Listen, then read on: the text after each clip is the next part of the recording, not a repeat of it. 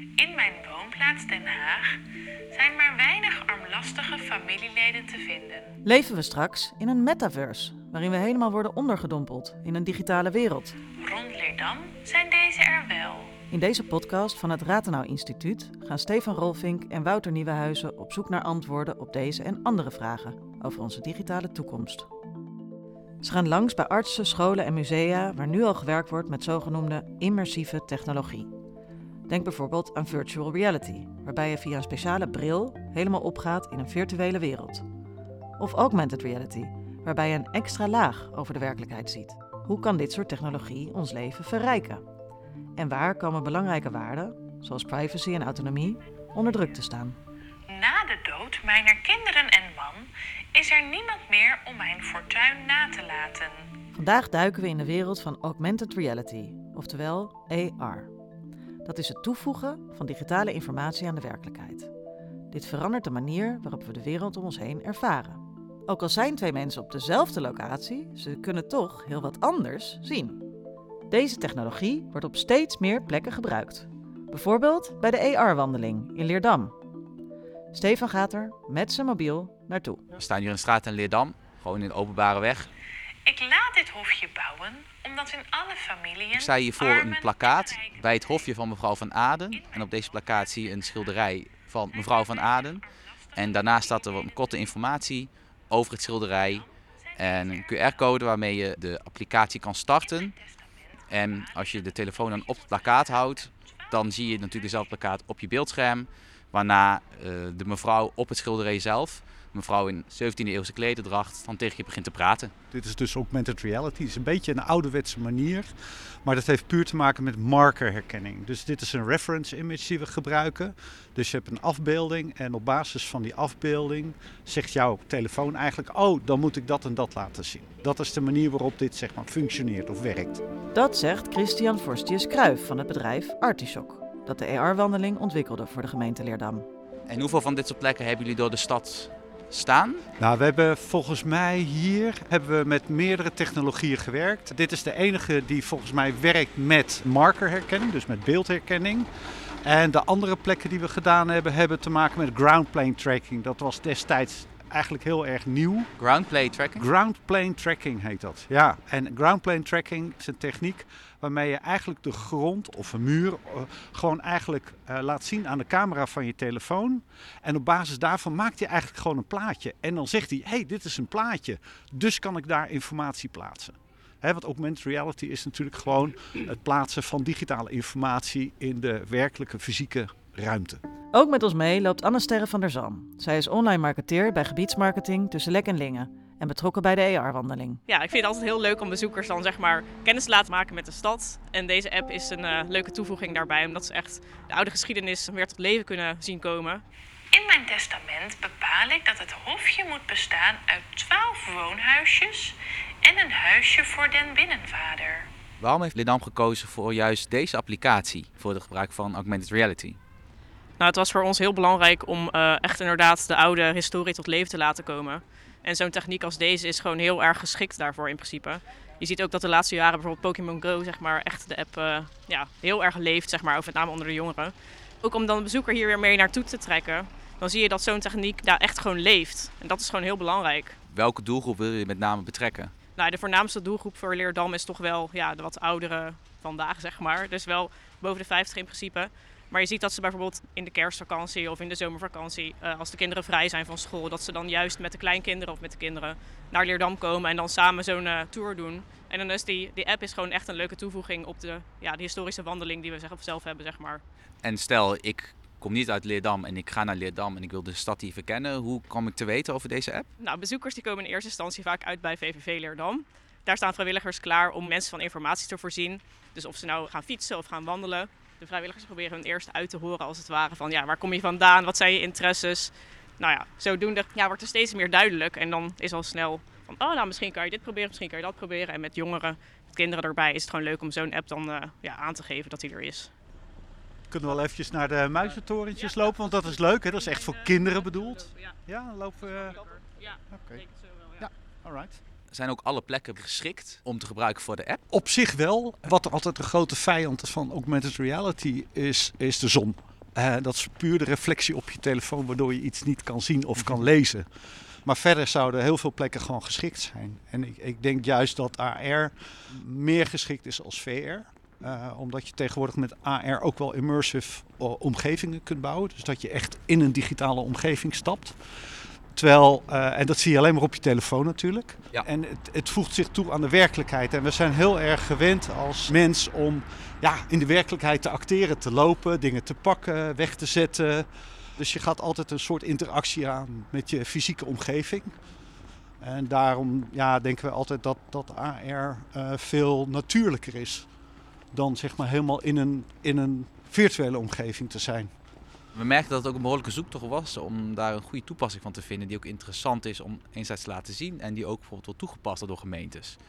Uh, en ook uit onderzoek blijkt ook wel dat de ontwikkeling en toepassing van VR wat meer gemainstreamd is dan AR. Ja. Waarom is dat? Kijk, VR in de publieke ruimte is lastig. VR, het fijne van VR is dat je heel erg grip hebt op je omgeving, want het is een afgesloten computergegenereerde omgeving.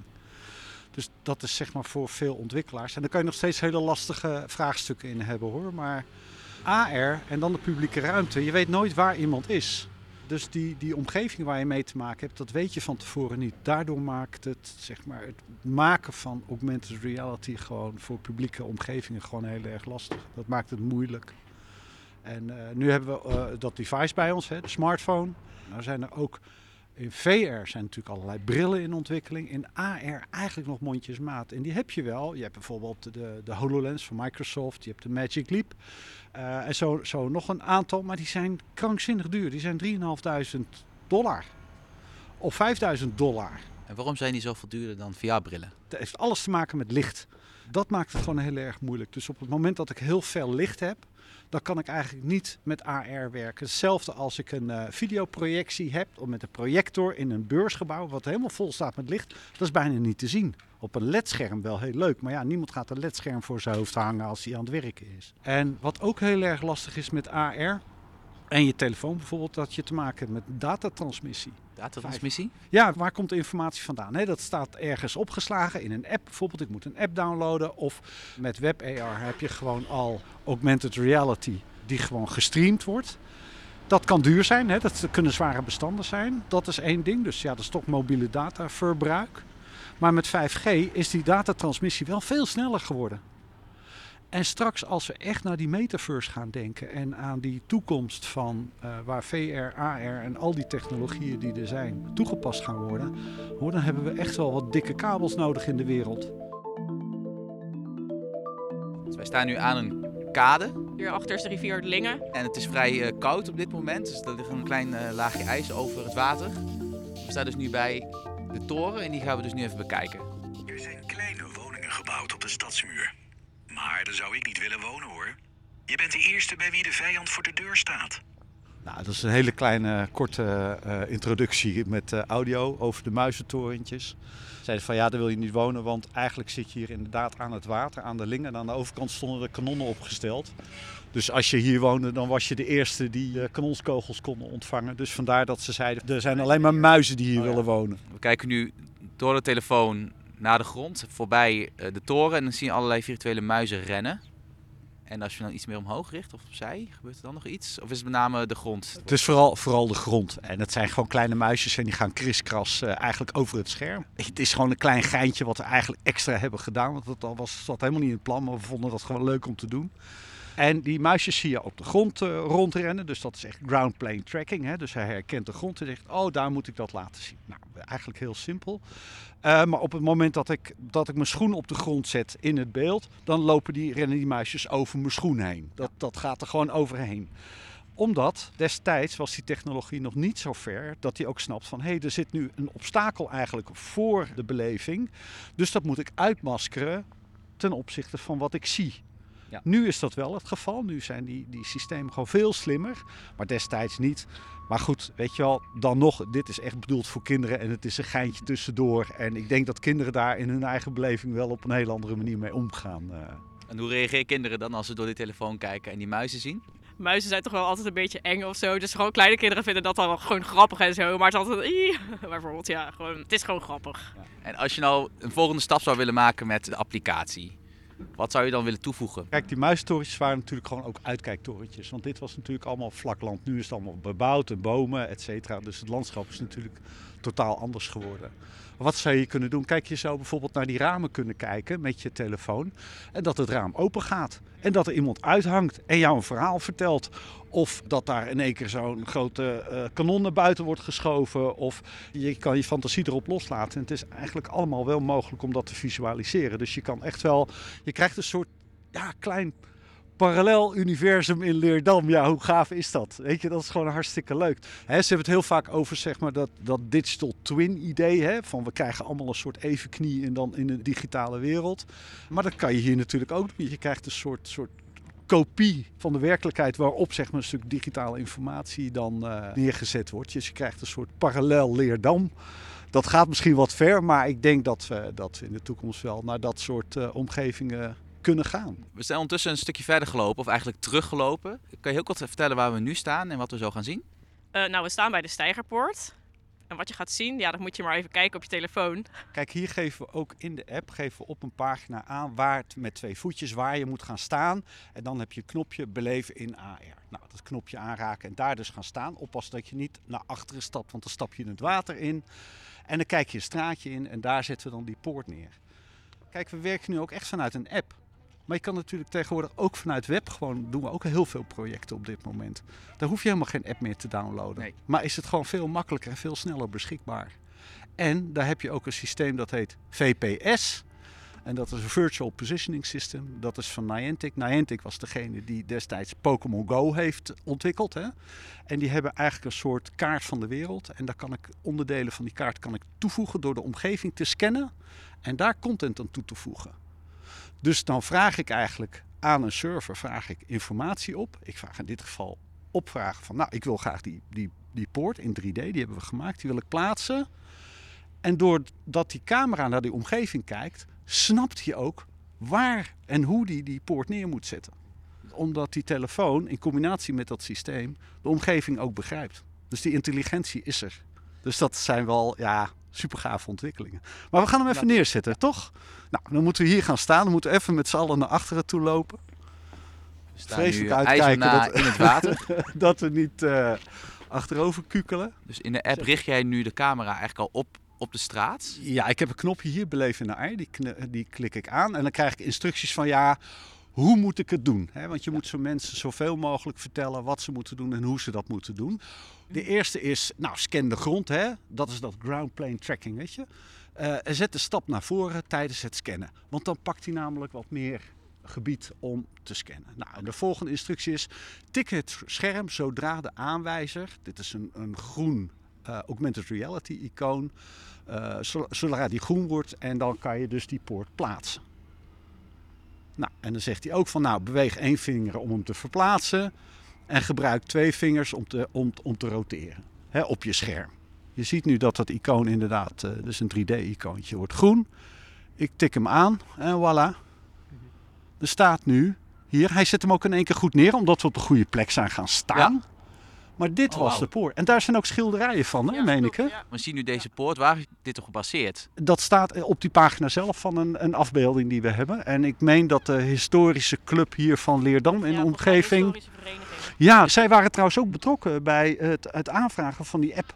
Want zij wilden dit heel graag die historische poorten terugplaatsen in de stad. Om te laten zien van kijk, dit heeft er gestaan. Het leuke is, we kunnen wel even naar voren lopen. Maar dan kunnen we ook echt onder die poort doorlopen. De ER-wandeling in Leerdam is dus vooral bedoeld voor educatie en als marketinginstrument. Maar de techniek gaan we waarschijnlijk in veel meer toepassingen zien. Wat betekenen al die nieuwe ervaringen voor ons? Wouter praat daarover met Koert van Mensvoort. Koert is kunstenaar, technoloog en filosoof en bekend van de Next Nature filosofie. Daarin staat centraal dat onze technologische omgeving zo complex is geworden dat we die als een natuur op zichzelf zijn gaan ervaren. Mijn fascinatie met technologie en media en de enorme invloed die dat op ons leven heeft, die is al wel heel oud. Want ik heb in 2001, eh, was ik zelf net afgestudeerd, heb ik een documentaire gemaakt voor de VPRO. Die heet Papa het bos ruikt naar shampoo. En het uitgangspunt was een meisje die altijd haar haren wast met shampoo. En dan met haar vader door het bos loopt en zegt het bos ruikt naar shampoo. Dus ja, wat gebeurt daar? Eigenlijk is de media-ervaring dominant geworden. Op de ervaring van een dennenboom ruiken. De dennenshampoo kwam eerst, dus dat was de norm. Ja, daar zat voor mij dus al een enorme ja, twist van wat is hier aan de hand? Media-ervaringen die zijn vaak ja, indringender, belangrijker, eh, soms ook bevredigender dan de echte ervaring, voor zover ja, dat je dat onderscheid uh, Ja, want je plaatst echt tussen ja, aanhalingstekens. ja, ja. Waarom? Waarom? Omdat in feite, als ik naar de wereld kijk door mijn eigen ogen, dan is dat ook al gemedieerd in de zin door mijn oog. En eh, daar weten we ook steeds meer over dat onze hersenen ook, al die percepties die we opdoen, dat, dat we dat construeren tot een, eh, ja, een, een coherent wereldbeeld. Eh, en dat ben je de hele tijd ook aan het aanpassen. Nou, dat is al heel lang zo. Wij zijn ook geëvalueerd als mensen in een bepaalde omgeving om daar in, onszelf in te handhaven. Maar nu, ja, vrij recent, maar dan bedoel ik eigenlijk gewoon de afgelopen decennia of eeuwen. Want je kunt boekdrukkunst, kun je ook al, is ook media. Hè? Dat, en dat verandert ook hoe, je ervaring van de omgeving. En ja, nog recenter met het internet, digitalisering. We maken het allemaal mee. We zien ook dat onze kinderen het meemaken. Dat, dat die, ja, die media-ervaringen zo enorm dominant worden in je leven. En eigenlijk je hele bestaan transformeren. Bedoel je het daarmee ook te relativeren? We hebben het hier over eeuwen aan ontwikkeling. eh, we hebben nu media, maar vroeger was het ook al. Ja, het- het helpt mij wel om te beseffen dat het niet helemaal nieuw is. Dus ja, de oude Grieken zeiden ook al van, ja, boeken, pas op, want het is slecht voor je geheugen. En nu heb je natuurlijk ook mensen die zeggen, ja, eh, gamen, pas op, want dat is slecht voor puntje, puntje, puntje. Dus voor een deel zit er dat altijd in, dat een ene generatie naar een andere generatie kijkt. Toen ik zelf jong was, toen was televisie de boosdoener. Want ja, een boek lezen, dat was dan goed. Maar tv kijken, dan was je een couch potato en dan verloor je eigenlijk jezelf. Dus dat vind ik wel belangrijk om te beseffen. Dat we eigenlijk veel meer de principiële ontwikkeling daaronder moeten zien. In plaats van dat generaties naar elkaar gaan wijzen van de jeugd van tegenwoordig. Dat gezegd hebben, is het wel zo dat ja, de afgelopen nou ja, 10, 20 jaar zie je wel dat een aantal jongeren zijn opgegroeid met internet, met de smartphone. En dat de oudere generatie, daar was het ook helemaal nieuw voor. En er was dus nog helemaal geen ethiek, dat we, dat we zeggen, eh, geen hoe handelen we hierin? Die vraag was niet beantwoord. Eh, waardoor je wel ziet dat een hele generatie jonge mensen eigenlijk in het diepe is gegooid. Eh, en daarin maar heeft moeten zwemmen. En ja, dat geeft wel heel veel frictie. Dat we nu dus zien ja, wat het betekende dat tieners dagenlang zitten te gamen, de hele dag in een smartphone zitten. Ja, daar zitten echt kwesties in. Ik denk dat, dat daar kunnen we het over hebben. Die spanning, die voelen we allemaal. En hoe gaan we daarmee om? Want je zegt nu de hele dag in hun smartphone zitten. Nee, het is goed dat je daarop wijst, want dat gaat eigenlijk ook over dat je je- identiteit of je lichaam zelfs verlegt in dat medium. Ja, een, een definitie van eh, presence hoort daar ook bij. Waar, waar ben ik? Wat ik zelf ooit een inspirerend voorbeeld vond, is dat als twee auto's tegen elkaar aan botsen, dan stapt de ene bestuurder uit en die zegt: hey, jij raakte mij. Terwijl je eigenlijk moet zeggen: Nee, eh, jij raakte mijn auto. Of jouw auto raakte mijn auto. Maar zo praten we niet, omdat wanneer ik een auto bestuur, dan heb ik eigenlijk mijn lichaam verlegd in die auto. En dan krijg je een ander soort van lichamelijkheid, omdat je in die auto zit.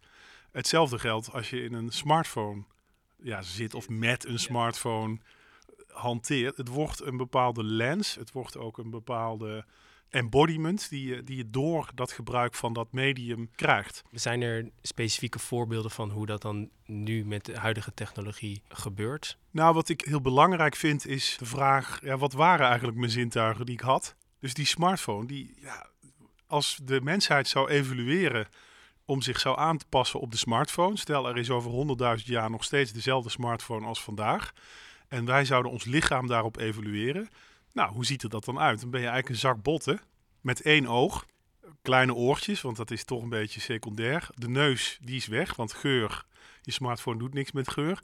En één hele grote vinger waarmee je dan kunt swipen. Dus als je, ja, zo zouden mensen er over eh, duizenden jaren uitzien als wij ons zouden aanpassen aan die smartphone. Nou, dat is voor mij een schrikbeeld, een horrorbeeld. Ik denk, we kunnen beter die smartphone aanpassen aan de mens.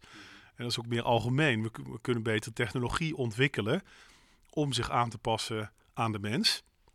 En dat gebeurt ook wel, omdat ja, als je nu kijkt wat zijn de volgende fasen na de smartphone, ja, dan zie je dus dat zich dat ook steeds meer verrijkt is een moeilijk woord, hè, omdat dat is dat dan positief of, maar in ieder geval het wordt steeds indringender, maar het sluit ook steeds meer aan op onze zintuigen. Denk aan virtual reality of augmented reality.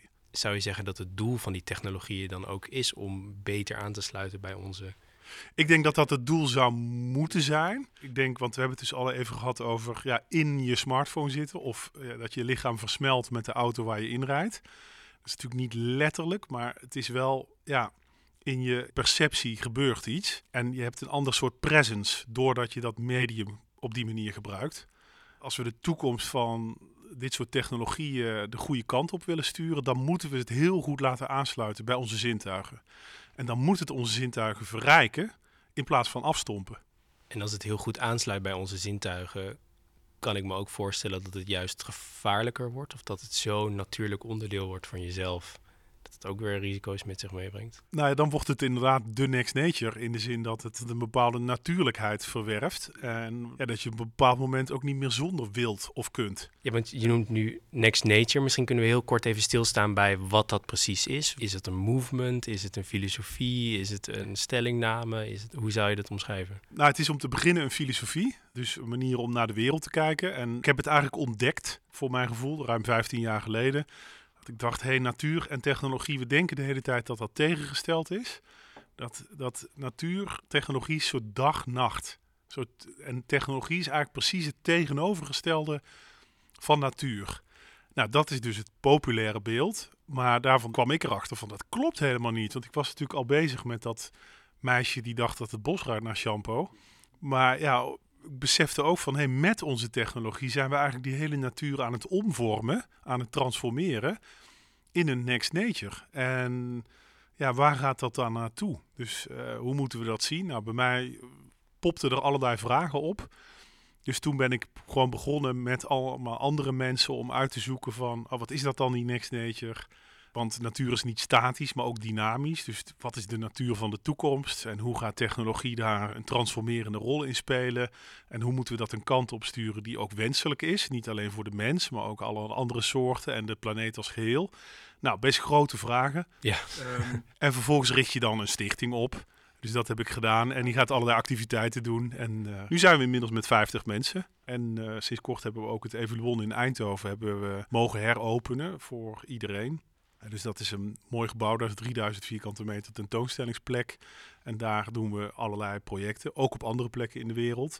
Waarin we die vraag willen beantwoorden van ja, hoe gaan we nou om met die Next Nature en hoe gaan we die toekomst vinden? En wat vindt het publiek van projecten die jullie doen bij Next Nature? Want daar maken jullie ook prikkelende ja, kunst, zou ik eigenlijk willen zeggen. Ja, nou, dat, ja, dat gaat uh, heel goed. Ik vind het ook altijd heel erg belangrijk om met de onderzoeksprojecten die we doen, om het publiek op te zoeken. Want daar is het ons eigenlijk ook om te doen, om mensen te betrekken in toekomsten die op ons afkomen. En dan specifiek rondom die next nature, waar we deels al in leven, maar ook hoe dat dan verder gaat. Ja, te vaak heb ik het gevoel dat we slaapwandelend de toekomst inlopen. We hobbelen een beetje van gadget naar gadget. En dat zie je ook, nou, we zijn nu in de context van het Rathenau Instituut. Ja, nieuwe technologie komt op ons af de politiek die loopt daar niet altijd op vooruit. Dat kan ook helemaal niet. Dat kun je als politicus helemaal niet. Maar, maar je wil ook niet 100 meter achterlopen. Dus hoe hou je dat bij elkaar dat eigenlijk voordat de technologieën en de uitvindingen en de leuke gadgets allemaal in ons leven komen, dat we al eigenlijk voorvoelen of verkennen met elkaar, ja, wat betekent dit nou? En willen we dit? Voor wie is dit? Wat zijn de voor- en nadelen? Eigenlijk de dromen en de nachtmerries verkennen die die nieuwe technologie kan inhouden. Heb je zelf dromen en nachtmerries rondom immersieve technologie? Augmented reality specifiek? Ja, ja, rondom augmented reality zie ik heel duidelijk zie ik wel een bepaalde droom. Maar ik zie ook een, een nachtmerrie. Welke wil je eerst? Ja, neem me maar mee in de droom eerst. Ja, nou de droom zie ik als dat, ik sprak net al over dat media werken het beste als ze ook goed aansluiten bij onze zintuigelijkheid. Vaak is nu media visueel, maar ja, waarom niet op tast, uh, waarom niet geur, daar kan zoveel meer. Augmented reality is in de basis ook wel heel visueel, maar hoeft dat niet te zijn. Hè, daar kan ook meer.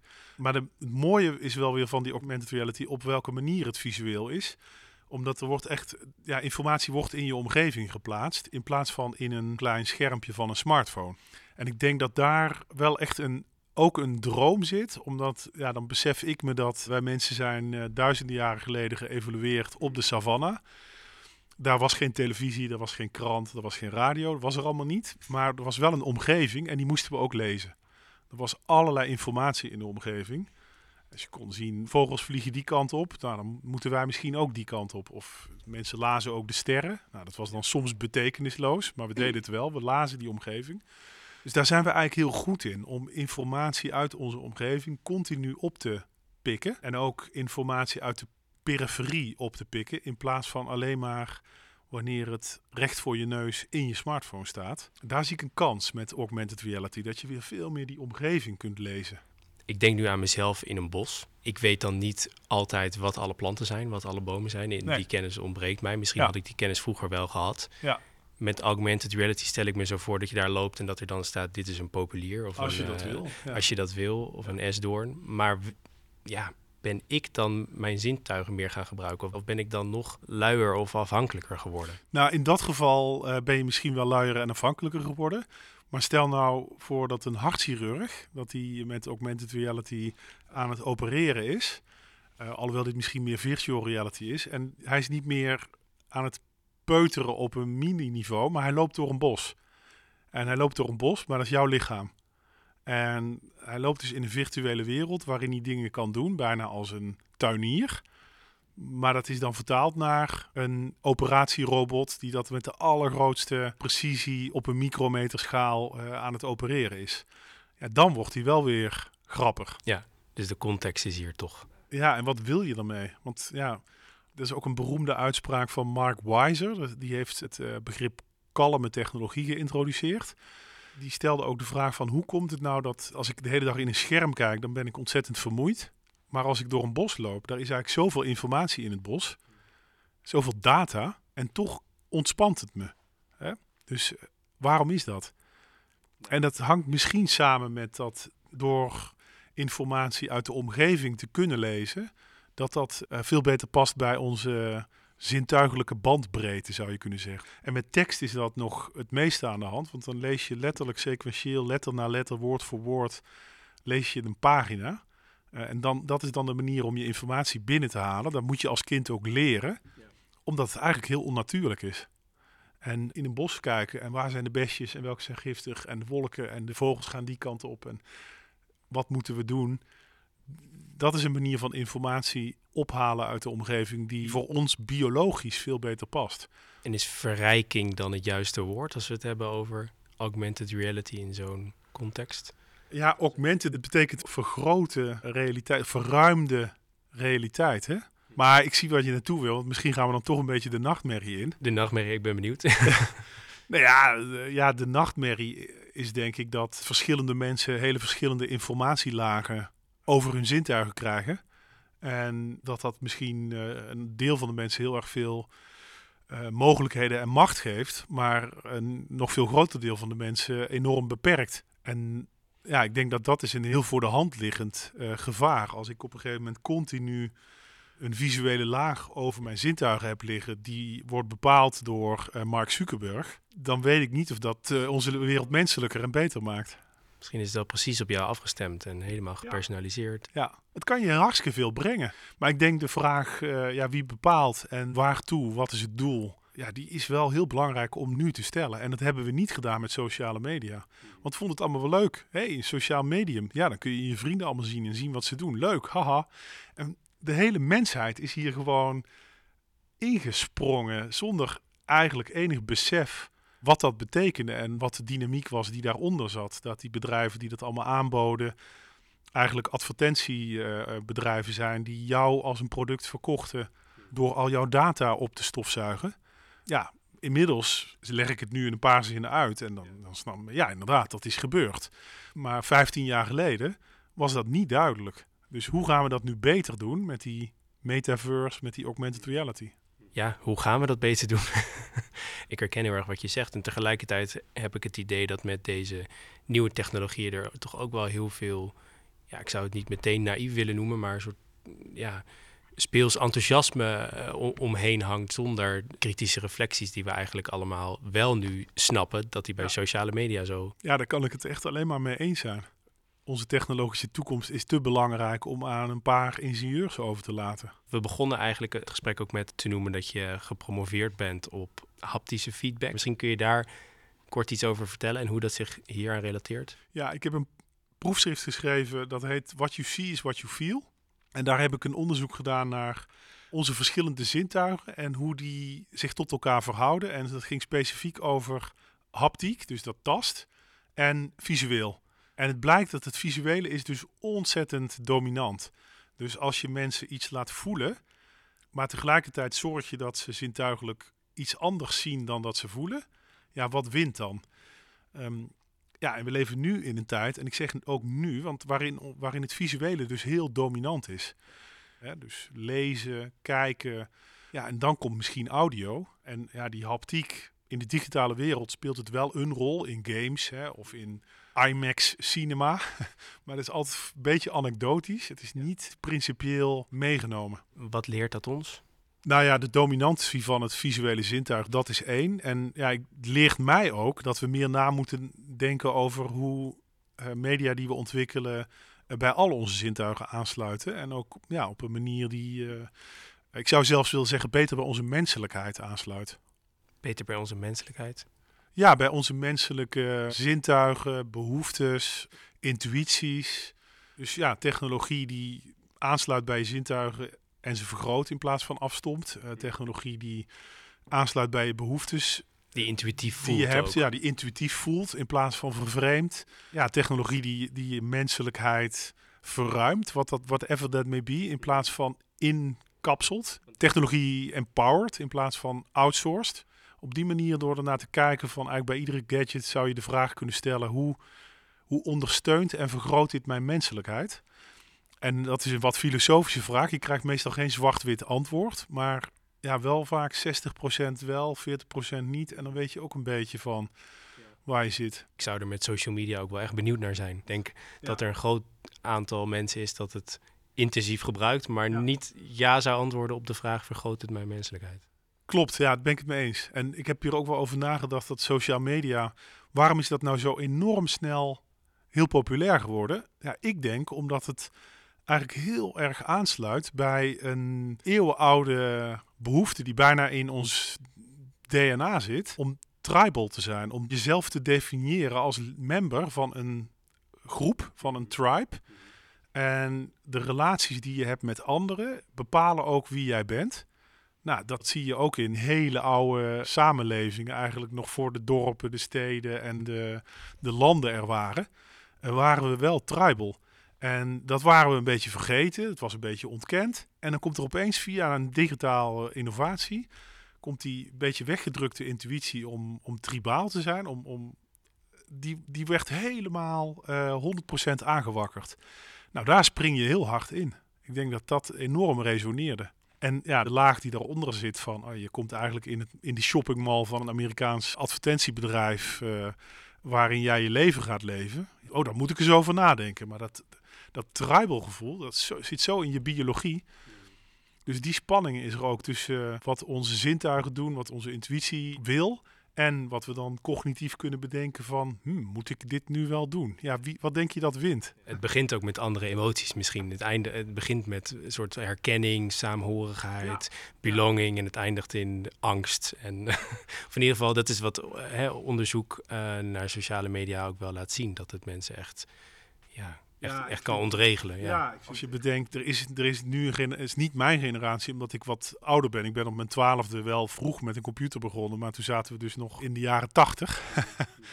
en maar dat, ja, dat de afgelopen 10, 15 jaar is er dus een hele generatie die is daar gewoon in ondergedompeld, zonder dat iemand eigenlijk door had wat er aan de hand was. En juist die onderdompeling, die zet nu eigenlijk door. Ja, want ja, als we die nachtmerrie van VR en metaverse en augmented reality, als we daar doorgaan met heel naïef jonge kinderen of tieners, toch ook een hele kwetsbare tijd in je leven, ja, dat we die daar zomaar uh, ingooien.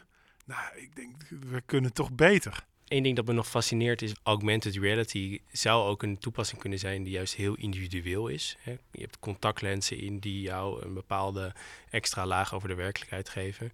Is dat een, een, een stap terug? Of ik, ik kan het zelf nog niet helemaal nee, nee, ik, ik, ik duiden. voel een beetje waar je naartoe wil. Want het kan beide zijn. Omdat het mooie van augmented reality is dat het dat het de informatie in de omgeving plaatst. En dat is denk ik de enorme kracht ervan. Dat is bijna net als dat we net zeiden van sociale media uh, heeft een tribal component.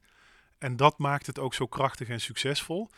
Ja, door informatie weer in je omgeving te kunnen lezen. Dat past eigenlijk bij onze biologie. Dus daar zit, daar zit de kwaliteit. Um, alleen ja, als je het dan puur individualistisch, dat jij die informatie ziet en een ander niet ja, dan kan het natuurlijk ook dat mensen. Nu is het al zo dat in een tram mensen zitten in hun telefoon te kijken en hebben ze ook nog contact met elkaar. Ja, gaat dat nog maar eens plus, plus, plus. Als mensen straks met een bril zitten en gewoon letterlijk een totaal andere wereld zien. Ja, en wat gebeurt er dan als dat ik hier de straat op loop en ik zie eh, Beverly Hills, zeg maar. En jij loopt de straat op en je ziet een favela. Waar zijn we dan beland? Als het dan ook nog zo is dat ik de parkeergarage, ja sorry, ik schets mezelf even als de hef en jou als de hef not, excuses daarvoor, maar dat ik de parkeergarage inloop en mijn gezicht wordt herkend en ik mag binnen. Ja, en jij staat daar bij dat hek te rammelen. In dezelfde wereld. Ja. Ja, daar moeten we wel ethiek uh, over ontwikkelen. Dus wat wil ik en mag ik kunnen zien in mijn VR en welke toegang wil en mag ik kunnen hebben die anderen uh, niet hebben. Ja, en het voorbeeld van de parkeergarage is natuurlijk helemaal niet ver weg. Want dat is nu al zo dat mensen die hebben dan de parkeerticket en die mogen erin lopen. En ja, die, uh, die zwerver die daar net uh, naast die deur van die parkeergarage zit, die mag daar voor de deur staan om jou een straatkantje te verkopen. Maar hij komt er niet in. Kort, ik zou eigenlijk willen afsluiten met een vraag aan jou. Uh, en ik wil een beroep doen op de kunstenaar in ja. jou. Dus wat zou je. We hebben het nu gehad over de toekomst veel, over de rol die deze technologie kunnen spelen in onze toekomst wat zou je vanuit de kunstenaar in jezelf, de luisteraar, uh, willen meegeven voor die toekomst?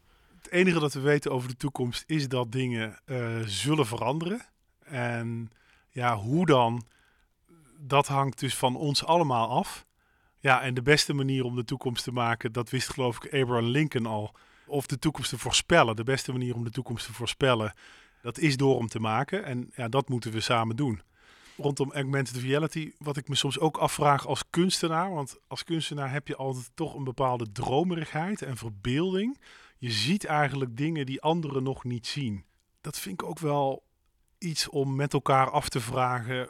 Wat, ja, hoe gaan we dat? We gaan eigenlijk steeds meer dagdromen. Dat we bijna ja, in een droom aan het leven zijn. Ja, en dan is mijn advies van probeer daar ook een droom van te maken en geen nachtmerrie. En de beste manier om dat te doen is ook door te zorgen dat het voor iedereen een droom uh, wordt. Want er zijn in deze wereld te veel private dromen die eigenlijk uh, een publieke nachtmerrie tot gevolg hebben. Dus we moeten juist voor die publieke droom moeten we ons inzetten. Een digitale laag over de werkelijkheid kan onze ervaringen dus verrijken. Bijvoorbeeld als een stadswandeling wordt uitgebreid met digitale beelden van vergane gebouwen. Maar tegelijkertijd roept de technologie vragen op. Wie is de baas over de technologie? En wie bepaalt wat we te zien krijgen? Het Rathenau Instituut vindt het belangrijk om nu het gesprek te voeren over de voorwaarden die we als gebruikers aan nieuwe digitale technologie willen stellen. Steven en Wouter gaan daarom door met hun gesprekken. In de volgende aflevering duiken ze in de wereld van het onderwijs. Hoe kijken leerlingen en onderwijsexperts aan tegen de kansen en risico's van nieuwe technologie?